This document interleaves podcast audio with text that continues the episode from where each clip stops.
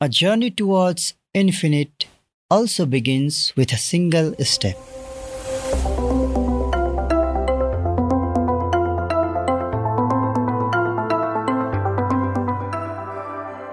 Hello and नमस्ते it's me again Tejkant Yonjan यहाँहरूलाई हाम्रो पडकास्टमा हृदयदेखि नै स्वागत छ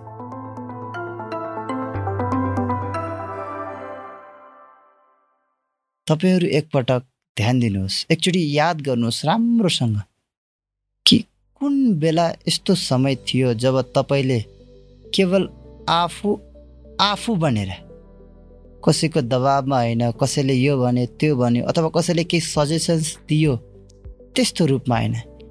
केवल तपाईँ जब आफू प्योरली आफू बनेर आफैमा गुनगुनाउनुहुन्थ्यो आफ्नो समस्याहरूलाई आफै केलाउनुहुन्थ्यो आफ्नो जुन एउटा ड्रिम छ त्यसको बारेमा सोच्नुहुन्थ्यो। त्यो समय याद राख्नु गर्नुहोस् एकचोटि होइन? किनभने त्यो समयकै बारेमा हामी कुरा गर्नेछौँ र त्यसैसँग रिलेटेड हामी अगाडि बढ्दै जानेछौँ। जस्तो इक्जाम्पललाई मेरो यस्तो केसहरू छ जब म आठ क्लास पढ्दा त्यसपछि सात छ अथवा नौ दस पढिरहँदा पनि मसँग त्यस्तो इन्सिडेन्टहरू धेरै छन्। जब म एक्लै जस्तो कहिलेकाहीँ एक्लै रुखको मुनि एकदमै मजाले सुतिरहँदा पनि यसरी सोच्थेँ कि म साँच्चै यहाँ किन आयो होला? म किन जन्मेँ होला? त्यो पनि मान्छेको रूपमा किन जन्मेँ? यस्तो खालको विचारहरू मलाई आउँथ्यो। कहिले जस्तो मानौँ राति छतमा बस्यो ताराहरू चल्ल हेऱ्यो अनि त्यो ताराहरू हेरिरहँदा ब्रेनमा ट्रिगर्ड हुन्थ्यो कि। के तारालाई कसले बनायो होला? हामी बस्ने पृथ्वी छ यसलाई कसरी बनायो होला?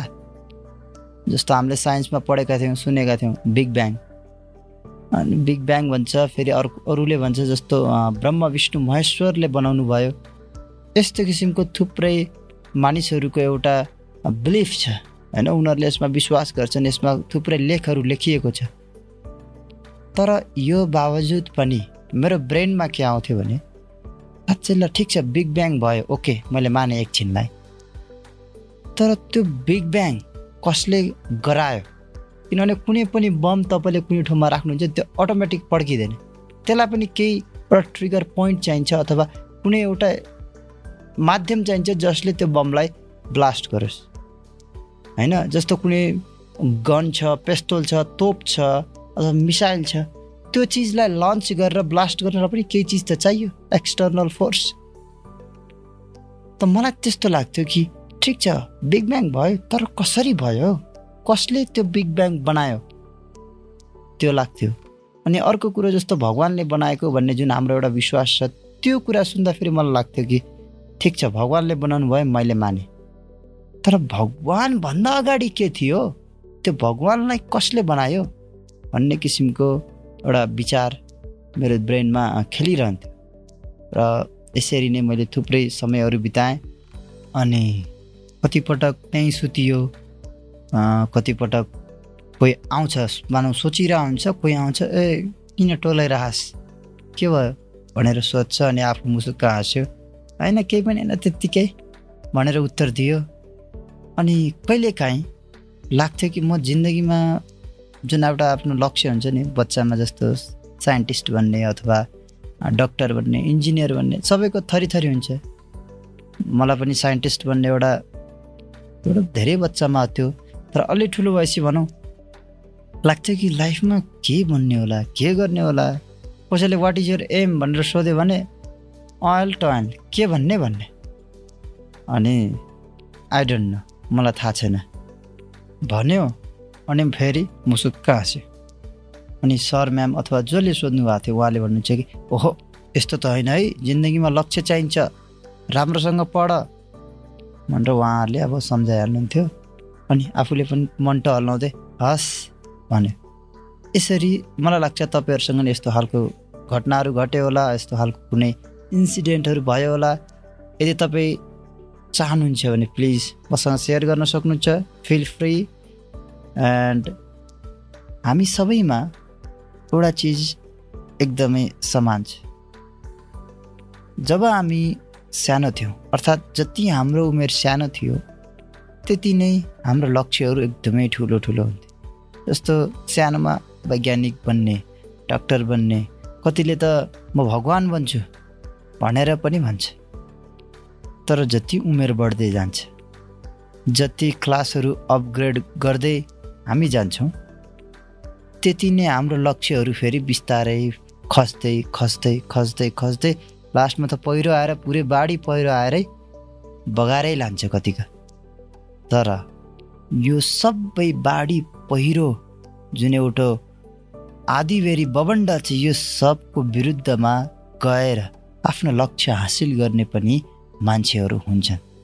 अब त्यो मान्छे म तपाईँ अथवा तपाईँको छिमेकी अथवा तपाईँको भाइ पल्ला ढेकाना जो पनि हुनसक्छ त्यसको लागि एउटै चिज एकदमै जरुरी छ निरन्तर प्रयत्न गरिरहने।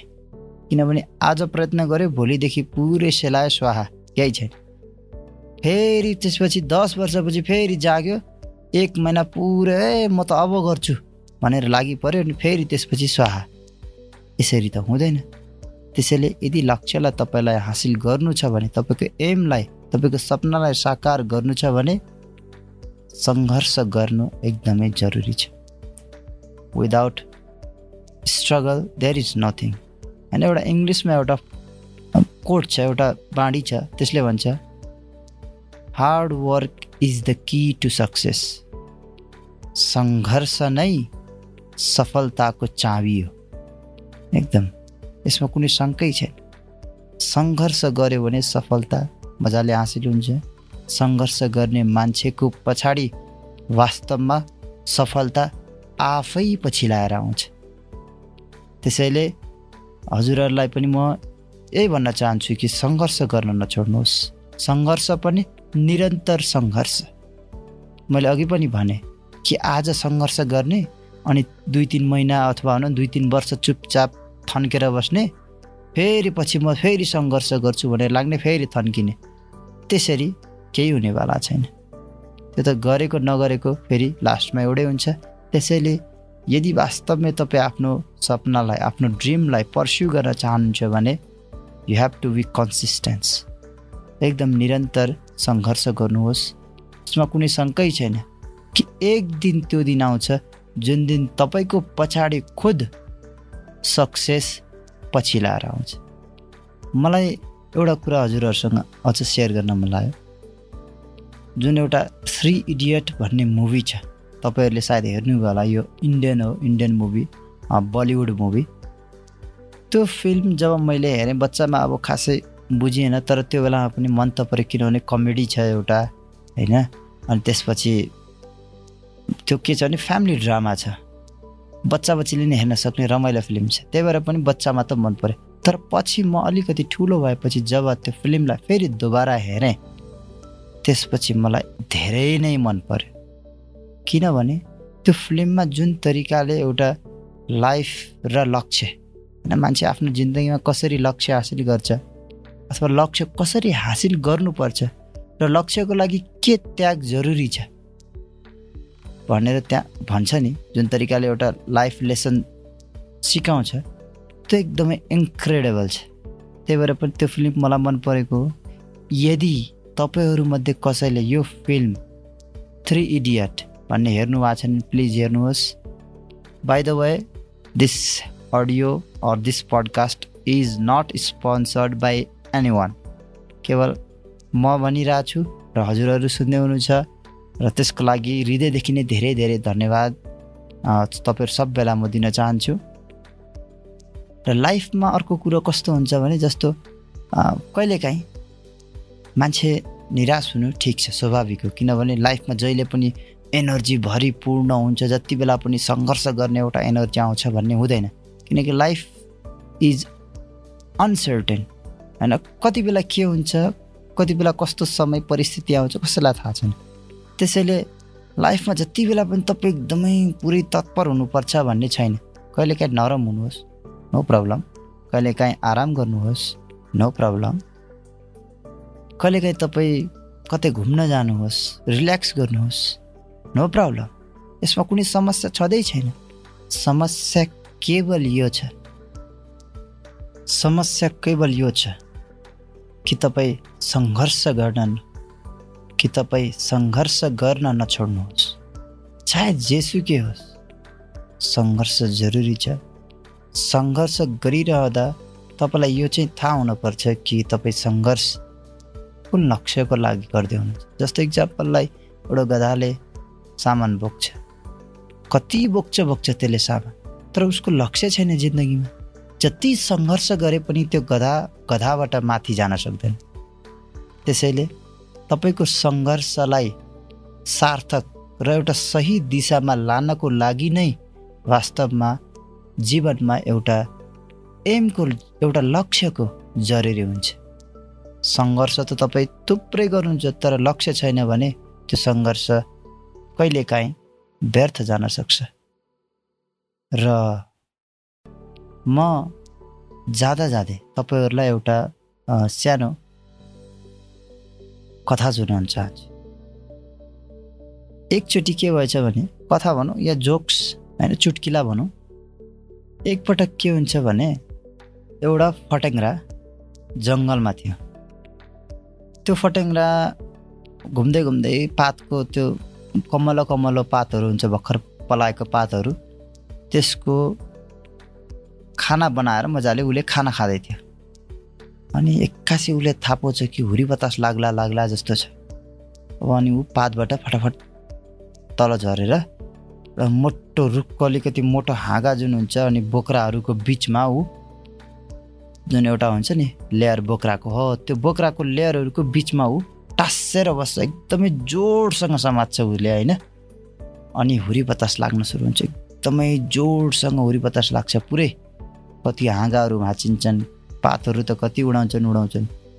अनि एकछिनपछि त्यो हुरी बतास रोकिन्छ रोकिएपछि ऊ त धेरै बेर त्यहाँ अड्केर बसेको एकदम जोडसँग समातेर अनि फटेङ्ग्रालाई थकेला हुन्छ नि त्यहाँ ओर्लिन्छ थकेलाएपछि पसिना पुस्दै भन्छ। ओहो! आज मैले धन्न यो रुखलाई जोडसँग समातेर यो रुख उडेन नत्र भने रुखै उड्ने। त्यत्रो पो लाग्थ्यो त हावा। भन्दै उसले भन्दो रहेछ कि? त्यस्तै लाइफमा तपाईँ जतिसुकै माथि पुग्नुहोस् जतिसुकै। याद राख्नुहोस् तपाईँले केलाई पक्रेर तपाईँ कुन जराबाट उठेर जानुभयो त होइन? जस्तो मान्छेले भन्छ नि यो हिरो त अथवा कुनै एउटा सेलिब्रेटीलाई अथवा कुनै महान पुरुषलाई लिएर भन्छ नि कि यो मान्छे त डाउन टु अर्थ छ। भनेको यही हो। तपाईँ जतिसुकै शिखरमा पुग्नुहोस् तर आफ्नो जुन एउटा बेस छ तपाईँ कहाँबाट उत्पन्न हुनुभएको तपाईँको जुन सोर्स छ तपाईँलाई जसले त्यहाँ पुऱ्यायो त्यो चिज कहिले पनि नबिर्सिनुहोस्।